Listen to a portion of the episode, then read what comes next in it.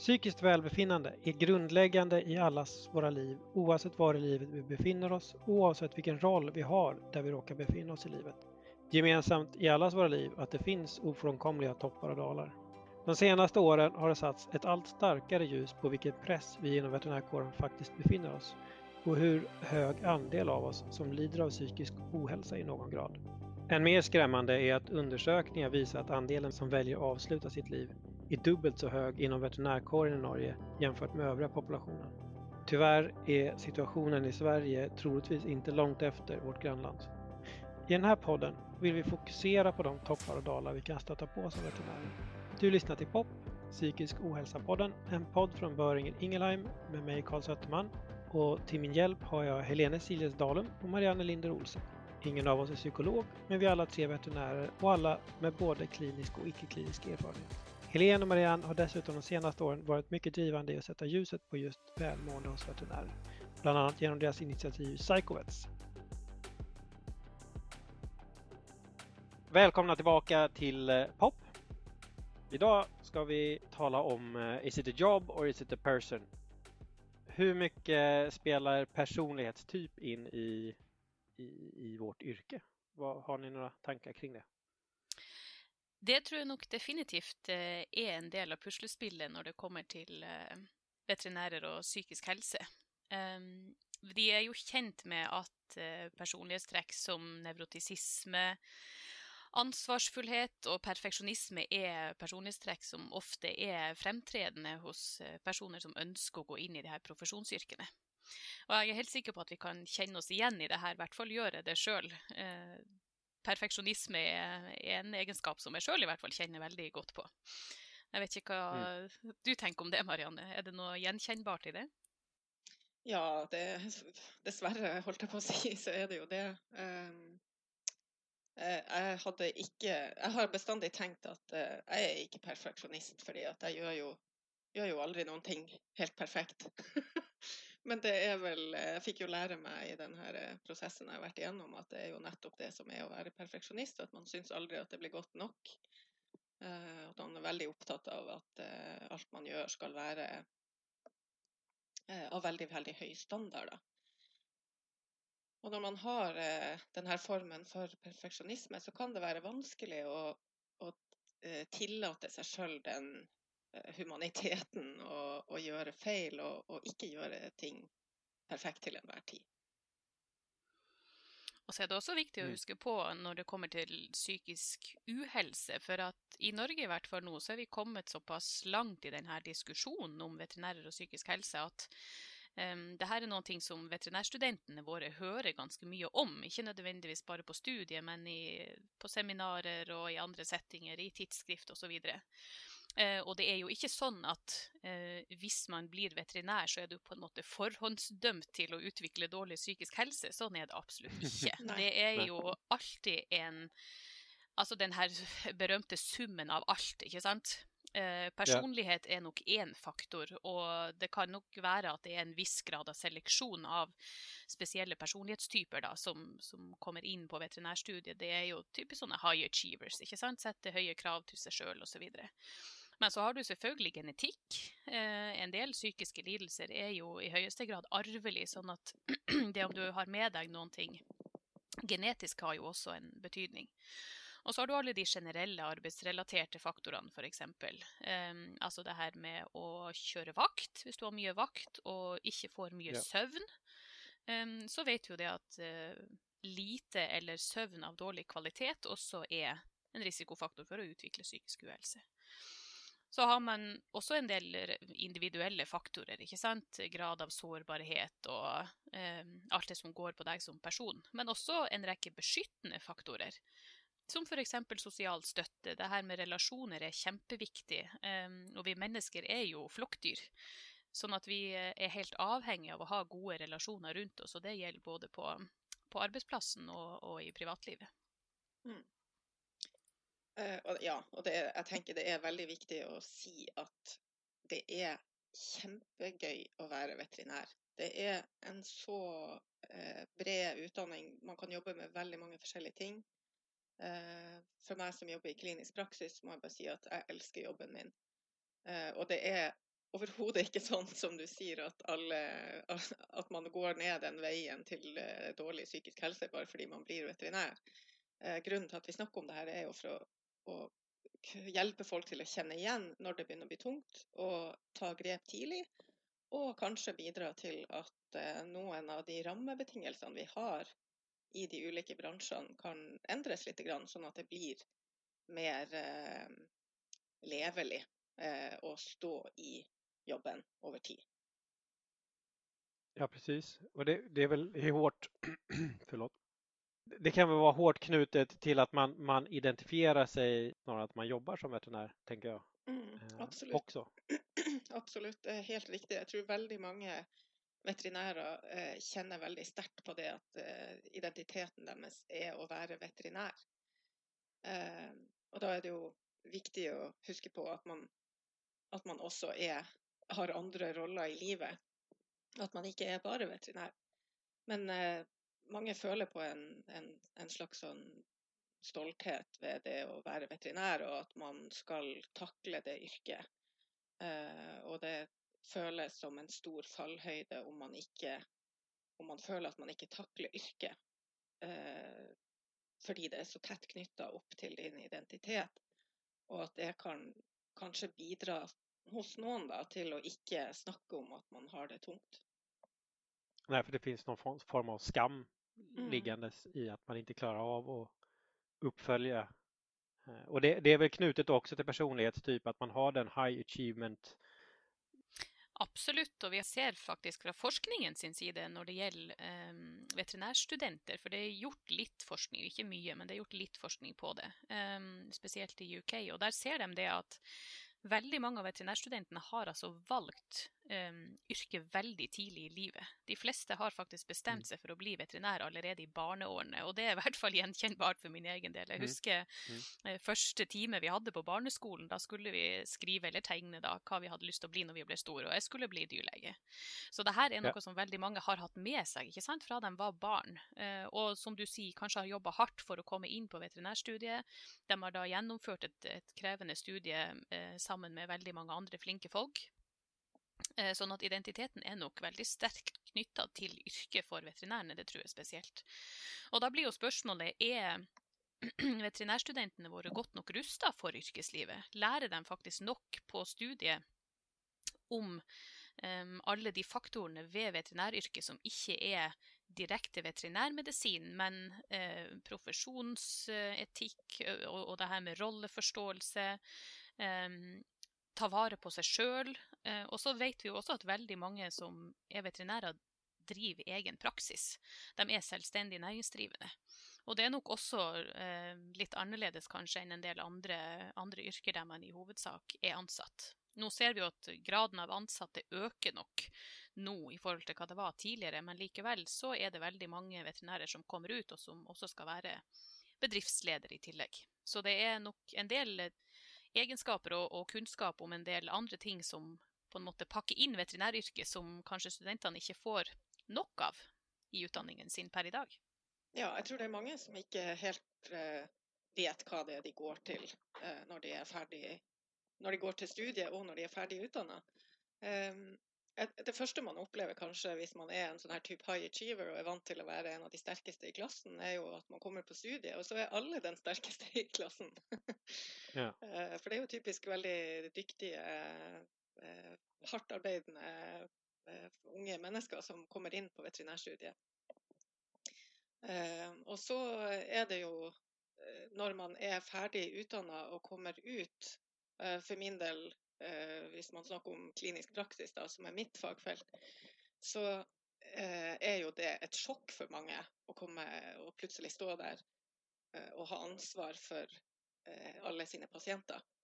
I motsetning til eh, legeyrket, der man går ut i en turnus hvor du har en lege bak deg som har hovedansvaret for alle dine pasienter.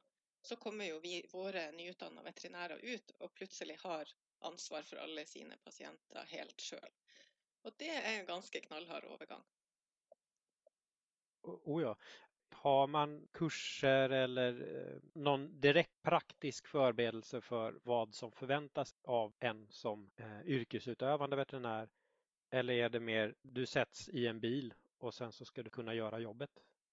Jeg tror nok veterinærene i veldig stor grad blir kasta rett ut i yrkeslivet. Eh, og som Marianne sier, og har ansvar for pasientene dine fra dag én når du kommer ut. Eh, det som jeg opplever, i hvert fall i Norge, er at det er økende oppmerksomhet eh, rundt behovet for de her andre fagene da, som er tilknytta veterinærmedisin. Sånn at det settes på timeplanen. Um, og fra, faktisk fra 20, våren 2018 så har uh, studentene fått tilbud om um, undervisning i psykisk helse og det her med selvivaretagelse, altså hvordan man kan ta vare på seg sjøl og stressmestring. Det ligger per i dag inne som et eh, valgfag på siste året. De, de får en uke med eh, klinisk kommunikasjon, eh, klinikkdrift og også denne biten med psykisk helse. Da. Sånn at dette er på vei inn i studieplanene, i hvert fall. Så jeg tenker at det er et veldig viktig skritt, og et skritt i riktig retning, til å få inkludert mer ut av de fagene her i veterinærutdannelsen. Mm. Og vi vet jo det at det er mange bekymringer som studentene har knytta til denne overgangen til yrkeslivet. Um, og igjen så har de uh, brukt uh, litt tid og ressurser på å forske på det her i UK. Og, og det som vi ser um, er den største bekymringa, som over 70% av veterinærstudentene oppgir, er det her akkurat det å gjøre feil. Det bekymrer ja. dem veldig. Og det har også vært eh, Jeg var så heldig og fikk lov til å følge litt av den undervisninga som var på Norges veterinærhøgskole nå i, i, vinter. Og der hadde de en, en egen session og en egen, eh, et eget opplegg rundt å diskutere hva gjør man når man gjør en feil, og hvordan snakker vi om det, og hvordan kan vi bruke det for å lære. Eh, og unngå selvfølgelig at man gjør de samme feilene igjen. Men det er veldig mange også som er opptatt av det her med work-life balance. Så jeg tror nok veterinærstudentene våre de eh, er nok klar over en del av de utfordringene vi ser i veterinæryrket. Uh, og det her henger jo også igjen sammen med personlighet. ikke sant? Når man er en høytytende type, og man er perfeksjonist og man ønsker å gjøre en god jobb, man har, føler et stort ansvar for pasientene sine, så er det ofte veldig lett å la jobben ta veldig mye plass. Eh, og da kan det ofte oppstå litt sånn eh, forvirring da, mellom hva som er egoisme, f.eks. Å, å takke nei til en ekstravakt. Det oppleves som å være egoistisk, men så er det kanskje egentlig sunn egeninteresse at man faktisk prioriterer seg sjøl og eh, egne behov foran jobb av og til, for det må man gjøre. Mm. Eh, du nevnte dette med at det er på vei inn i studiet, det her med psykisk helse økonomi, drive i næringslivet osv. Og, og det er jo absolutt en kjempeviktig del som vi vet er på full fart inn både i Norge og Sverige. Eh, og det er jo litt både styrken og svakheten med veterinærutdanninga at den er så omfattende og bred. Så det er veldig mange forskjellige ting man kan jobbe med når man er ferdig utdanna veterinær. Man trenger ikke å være i klinisk praksis, som kanskje de fleste tenker når de starter studiet. Det er veldig mange andre grener av veterinæryrket man kan jobbe i. Um, og det er jo en styrke, men på sett og vis også en svakhet. Fordi at uh, det er så fryktelig mange ting man egentlig burde hatt inn i den studieplanen. Så jeg tenker jo at uh, når man kommer ut, så har man lært veldig mye om veldig mye. Og det er litt vanskelig å føle etter et så langt studium at man er kompetent. Og der, der tenker jeg at det må gjøres et eller annet for å få disse nyutdanna veterinærene til å, å, føle litt på den, all den kompetansen de har, og være stolt av den. For det er veldig lett å tenke at ja, jeg har lært litt om alt mulig, men jeg, jeg kan egentlig ingenting. ja, jeg forstår precis hvordan du tenker, for i alle fall hadde jeg den følelsen når jeg precis kom ut at her ikke inte jeg lika kompetent ja. som mine kolleger. Jeg har lært meg mye, men just det her har jeg ikke lært mig. Och det har nog mycket att göra med att det är så mycket som ska pressas in på de fem och ett halvt åren. Mm. Det är ju inte tänkt att man ska vara specialist när man är färdigutdanad utan tanken är att man ska vara förberedd och sen ta det vidare därifrån. Och det är väl kanske där det fallerar, mm. övergången från studentlivet till yrkeslivet någonstans. Det är inte så att det, det, jag upplevde att jag var, inte var, de inte var tacksamma för att jag kom och jobbade. Men den första sommaren när jag jobbade så var det så här, åh gud vad skönt du är här för vi behöver semester, kan du ta över? Eh, lite. Eh, och där stod man. Så det, det, är väl den övergången som, är kanske, som kanske är, är, inte bristfällig men som skulle kunna förbättras, tänker jag. Ja. Det Jeg tror jeg absolutt. Ja, jeg, husker, jeg, må, jeg må bare si når du sier det, Kalle, jeg husker veldig godt første gang eh, jeg skulle jobbe som selvstendig veterinær og kom til klinikken, og klinikk, det var en sånn her liten enmannspraksis, og klinikkeieren sier ja, her er nøklene til klinikken, og dette er assistenten, og nå drar jeg på ferie. Ha det bra! og så, og jeg husker jeg tok på meg den her hvite frakken og tenkte Marianne Linde Olsen, hva i all verden er det du driver på med nå? Eh, vi hadde jo heller ingen Vi hadde jo ikke hatt noen ting om de her tingene på studiet i det hele tatt. Uh, så vi var jo Jeg var, følte meg veldig dårlig forberedt. Jeg tror jeg ringte om hjelp på annethvert kasus jeg hadde den sommeren. Ja. Men det her er faktisk et kjent fenomen som uh, ofte beskrives som imposter syndrome. Eh, og det er en, eh, et type syndrom eller opplevelse av at man tviler på egen kompetanse, til tross for at det er på en måte klare bevis for at kompetansen eksisterer. Og alle de som blir ferdig utdannede veterinærer, har jo oppnådd visse kompetansemål. ikke sant? Sånn at eh, man har med seg en kompetanse som er udiskutabel. Du er ferdig utdanna veterinær.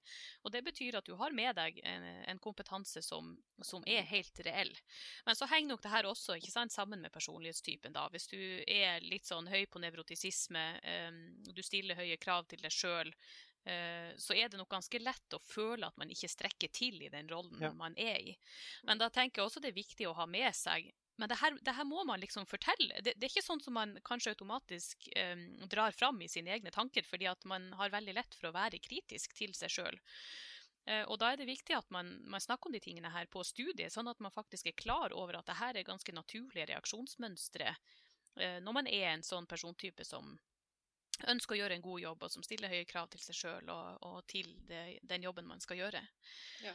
Og så har jo ikke veterinærene turnusordning, eh, i motsetning til legene, da, som kommer ut og har et helt år etter endt utdanning der de blir fulgt av eh, en annen lege som har eh, ansvaret for de medisinske avgjørelsene de tar, og de faglige avgjørelsene som blir tatt. Og den mangelen på støtte akkurat i denne overgangsfasen tror jeg nok også har ganske stor betydning. Der har vi i Norge nå eh, oppretta en sånn mentorordning der eh, veterinærer da frivillig på en måte melder seg som mentor. Ja. Og så får alle de nyutdannede veterinærene eh, ikke tilbud om, men de, de får en mentor. Punktum. Altså du kan, de som ønsker det, selvfølgelig. Men, men du får tildelt en mentor som du kan bruke i så stor grad som du ønsker. Og det er meint å skulle være en sparingspartner og en sånn lavterskeltilbud der man kan ta kontakt eh, både med faglige ting, men også i den her overgangen og den, eh, i den rollen som veterinær. Det, det mentorsystemet, är det beroende på i vilken eh, gren av yrket du går in i så att det sållas ut om du jobbar med på en smådjursklinik till exempel, får du då en smådjursmentor eller är det lottas det ut till vem som helst? Förstår ni hur jag menar? Ja, i utgangspunktet så prøver de å matche eh, nyutdannet veterinær med en erfaren veterinær innenfor samme fagfelt, sånn at du, du skal få en mentor som har erfaring innenfor det området der du skal, eh, skal begynne å jobbe. Super. Og det tror jeg kan være et veldig viktig supplement, eh, for det er akkurat den overgangsfasen her kan nok være ganske tøff for, eh, for mange. Jeg kan jo bare si for meg sjøl, jeg syns det er viktig å understreke hvis man begynner å jobbe i smådyrpraksis, så kommer, møter du jo et publikum, altså dyreeierne og, og eh, kundene. De forventer at du skal kunne alt fordi du er dyrlege. Ja. Og det er den forventninga folk har når de kommer til deg med sitt dyr. Og det er uansett hvilket fagfelt det kasuset havner i. Det kan være dermatologi, det kan være kardiologi, det kan være gastroenterologi, Kanskje du skal være både radiograf og radiolog. Du skal eh, være klinisk patolog og se på blodstryk. Eh, Kanskje du skal være kirurg. Det er ekstremt mange fagfelt man skal eh, håndtere. Og det er veldig lett å pålegge seg sjøl, eller å ta inn over seg sjøl, den forventningen som kunden har om at dette skal du kunne fordi du er dyrlege. Men det går faktisk ikke an å beherske alle disse fagfeltene. Det vil jo være litt sånn om eh, man kom til et sykehus, og så er det den samme legen som gjør en mastektomi, som leser ditt røntgenbilde, som, som gjør din indremedisinske utredning og osv. Så, videre, og så, videre. så det er viktig å, å huske på at det tar tid å bli god nok i alle disse fagfeltene. Og så får man jo etter hvert, eh, vil jo de fleste velge seg ut kanskje et par fagfelt som man blir ordentlig god i. For det går ikke an å være god i alt. Det er rett og slett ikke mulig. Nei, absolut. Det, det är en, en sanning. Har det inte på något sätt varit så att, att det har varit en del av yrkesrollen att man ska klara av den här första tiden för det hör till? Är inte det ett, ett bidragande problem i hela den här uh, diskussionen att någonstans så måste vi skala av oss den kulturen som kanske har varit i någon mått att när du är klar då ska du då ska du ha ett par hundår där du mår dåligt för att det hör till. Ja, det tror jeg du har rett i, og sånn, sånn har det nok eh, sikkert vært. Eh, men forskjellen på før og nå er jo at eh, fag, alle fagfeltene har utvikla seg så enormt fort. Vi har jo sett en, en, eh, en veldig stor grad av profesjonalisering i klinisk praksis.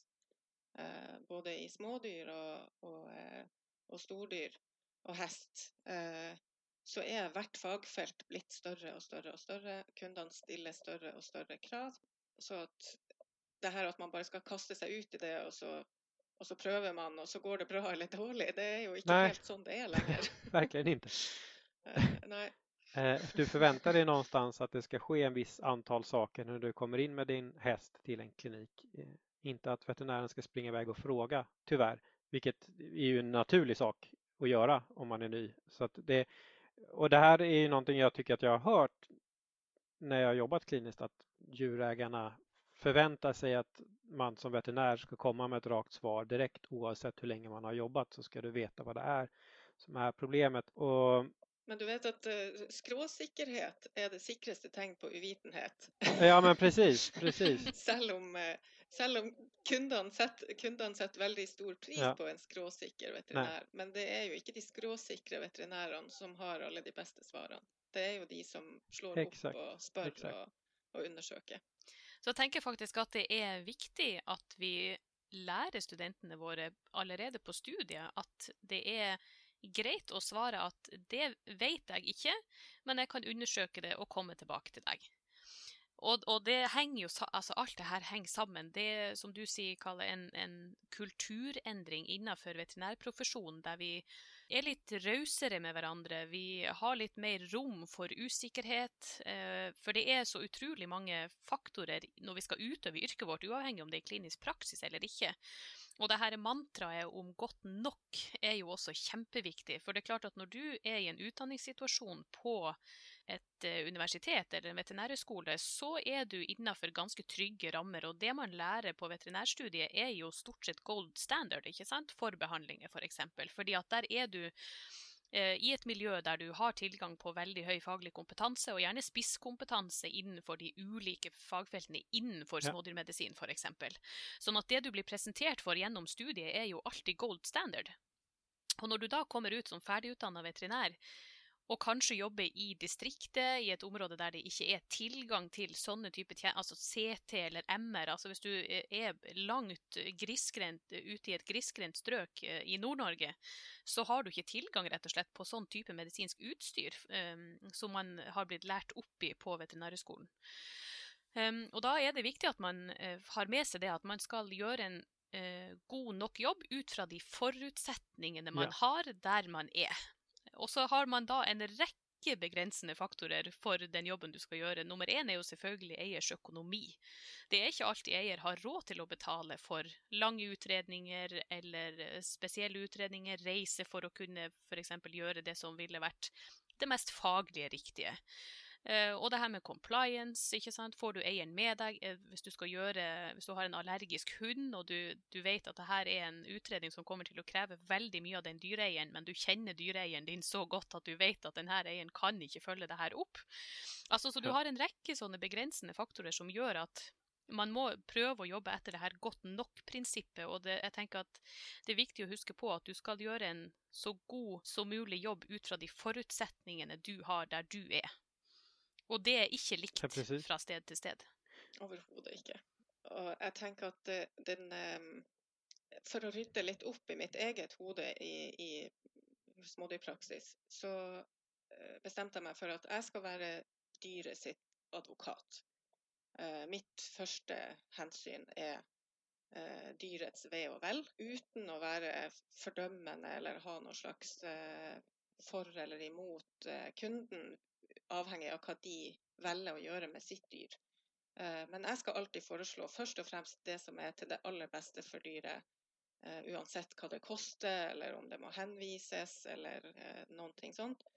Det som jeg mener er den beste behandlinga for dyret, er den jeg foreslår først.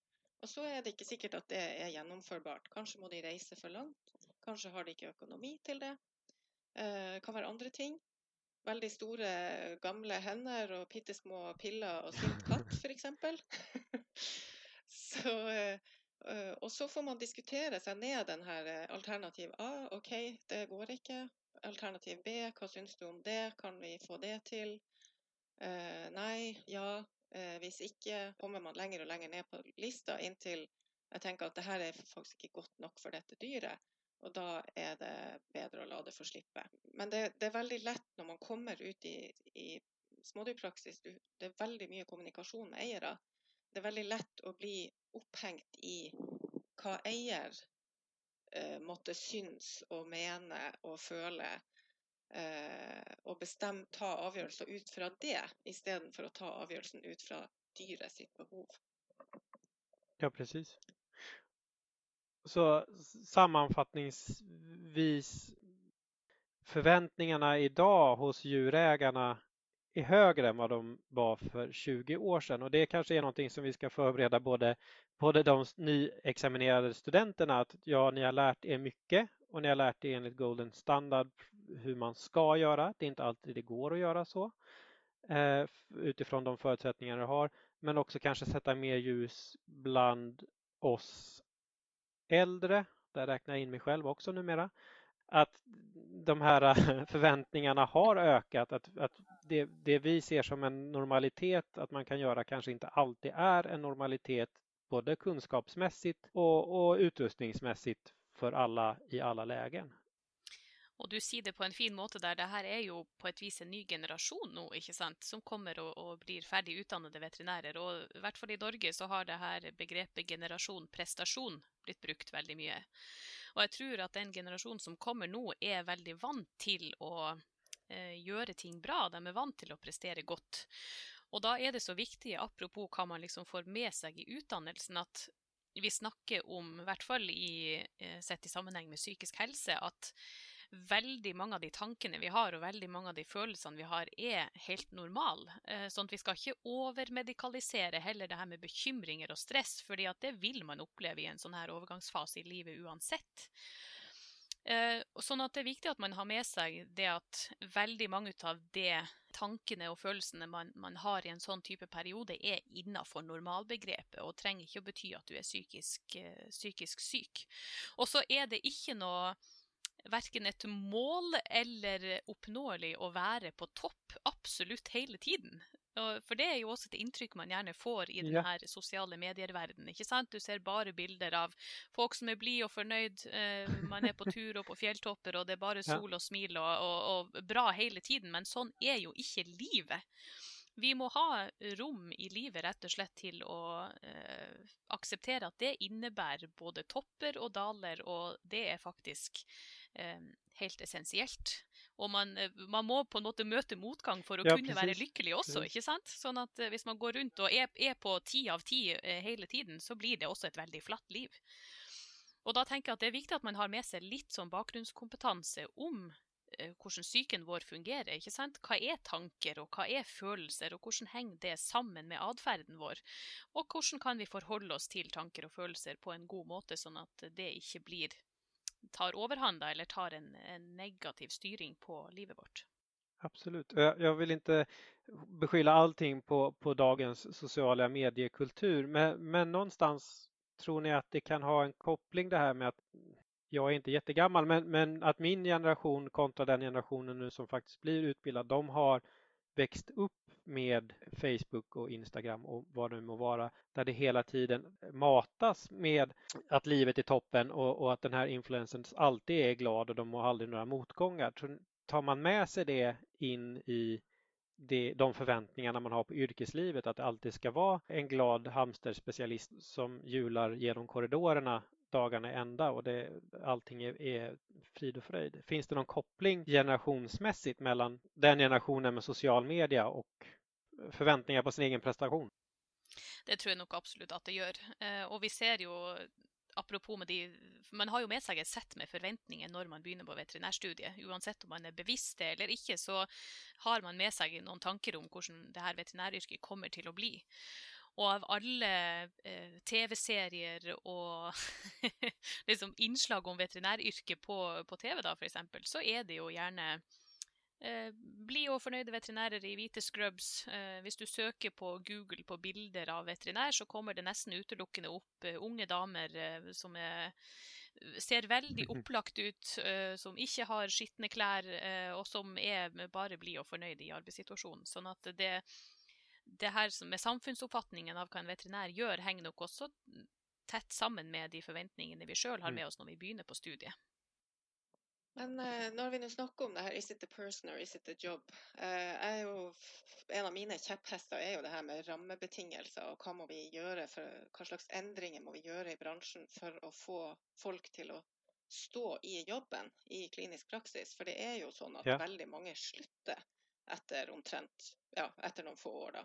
Og vi mister veldig mange flinke fagfolk ut av klinisk praksis pga. dette her. Eh, og det vet vi jo, det er jo undersøkelser som er gjort. Eh, jeg tenker at vi har eh, flere utfordringer i bransjen som har med rammebetingelser å gjøre, som vi må ta tak i. Is it a person or is it a job? Ja, vi sikkert i noen grad kanskje studiet selekterer for enkelte personlighetstyper.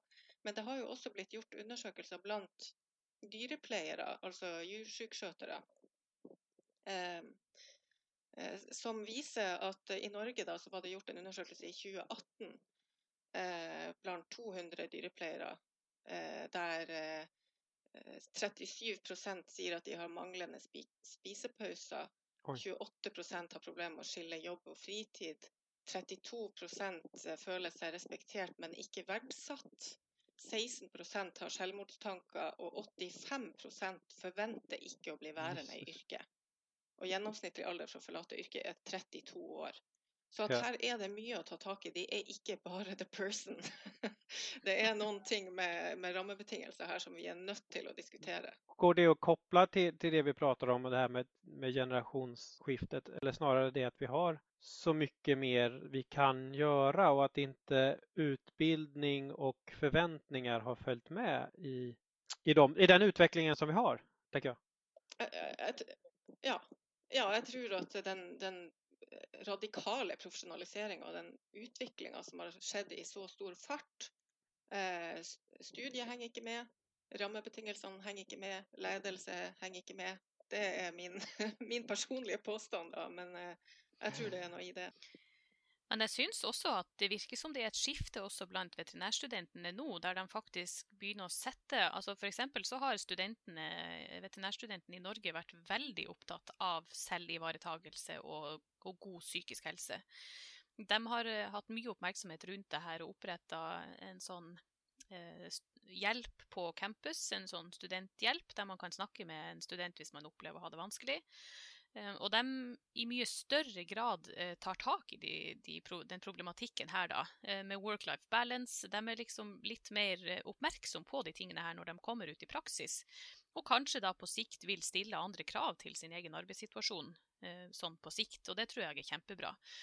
Og så tenker jeg at de nye kollegene våre som kommer ut uh, på arbeidsmarkedet og som blir ferdig utdannede veterinærer, de fortjener faktisk å komme til en profesjon der det er både naturlig, men også forventa at man tar vare på seg sjøl. Ja. Uh, i yrket. Uh, og at vi tar vare på hverandre, selvfølgelig. Kollegastøtte igjen, akkurat i den overgangsfasen her, er jo kjempeviktig. Å føle at du kommer til et yrke der det er takhøyde for å ta opp ting som er vanskelig, der det er rom for å gjøre feil. Det gjør vi alle, og det kommer vi alle til å gjøre. Uh, og da tenker jeg at veldig mange av de tingene vi faktisk sitter og snakker om, med hvor skoen trykker, det er jo faktisk ting vi kan gjøre noen ting med sjøl. Og hvis vi faktisk eh, har en, en, forventning om at våre nye kolleger skal ta vare på seg sjøl, så må jo vi eldre kolleger også ta vare på oss sjøl, og så må vi oppføre oss uh, som at vi mener det. Ja, men, ja precis. Föregå med gott exempel helt enkelt. Mm. Eh, Lite avslutningsvis, har ni tankar kring hur man kanske skulle kunna komma till rätta med de problem vi har? Jag förstår att det är en svår fråga, och, och, men jag, jag bara slänger ut den. Har ni några tankar till någon bra start? Eh, altså, jeg, jeg tenker jo at det, det, er jo, eh, det er jo veldig bra at vi nå har fokus på dette med psykisk helse og det å ivareta seg sjøl og være en god kollega og sånne her ting. Um, men jeg syns også at vi må se litt på hvordan bransjen er organisert. Hva slags ledere har vi i bransjen? Eh, hvordan kommuniserer man med sine egne veterinærer? Eh, hva er egentlig jobben? Eh, hvor mye har man på studiet om at man skal f.eks.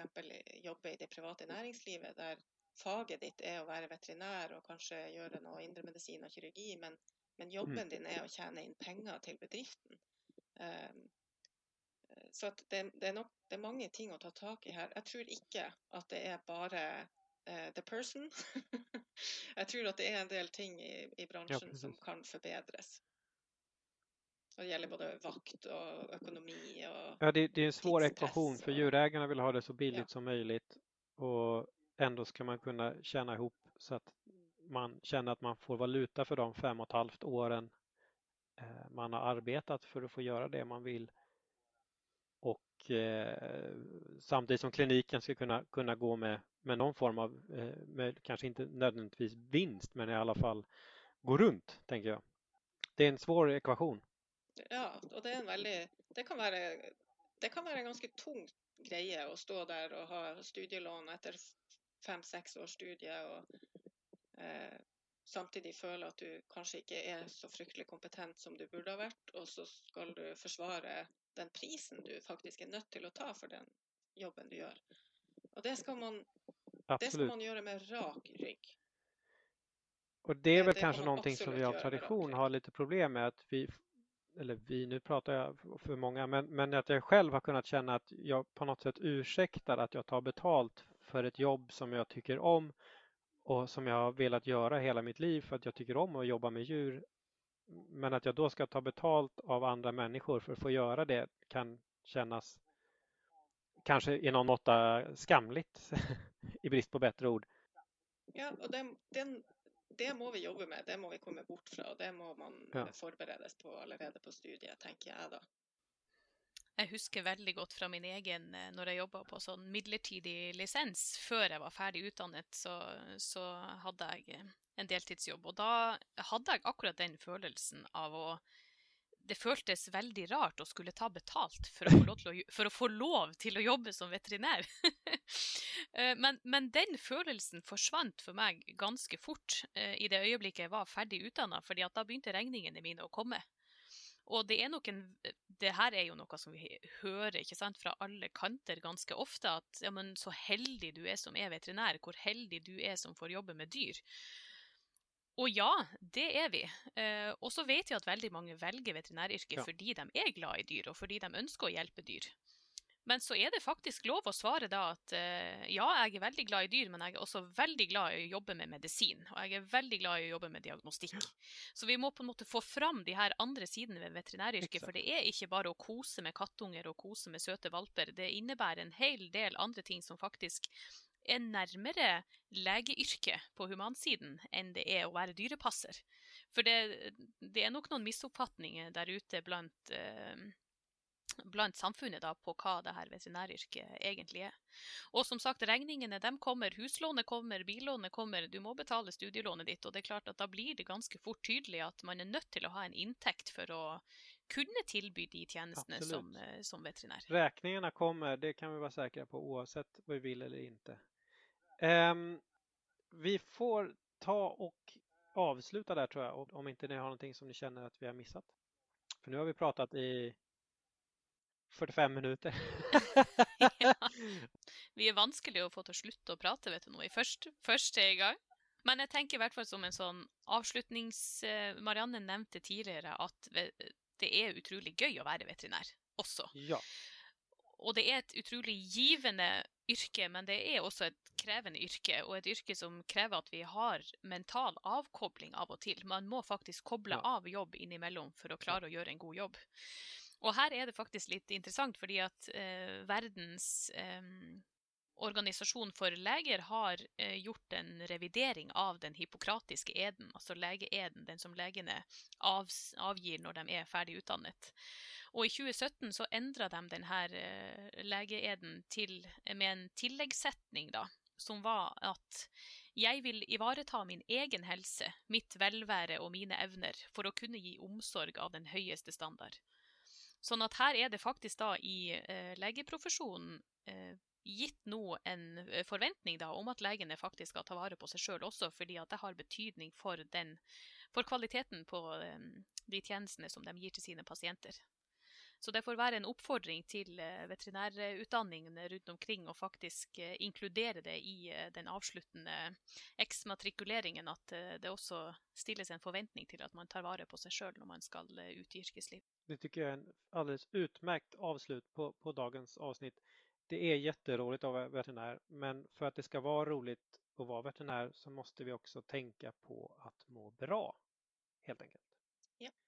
Vi kanske ska säga också att nästa gång så ska vi prata om de yttre förutsättningarna som också ställer krav på oss i vårt yrke. Tack så mycket för idag!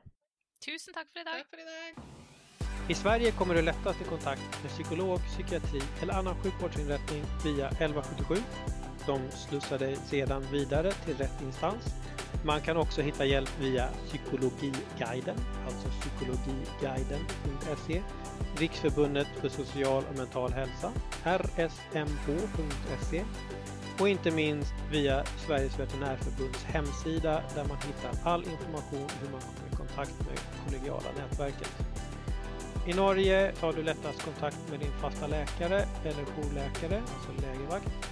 Öppna hjälplinjen för mental hälsa har telefonnummer 116 123, alltså 116 123. Om du är i självmordstankar eller misstänker någon i din närhet överväger att ta sitt liv eller på annat sätt skada sig själv, kontakta omedelbart larmcentralen på telefonnummer 112 i Sverige och 113 i Norge. Återigen, tusen tack för att du har gett oss din tid och lyssnat.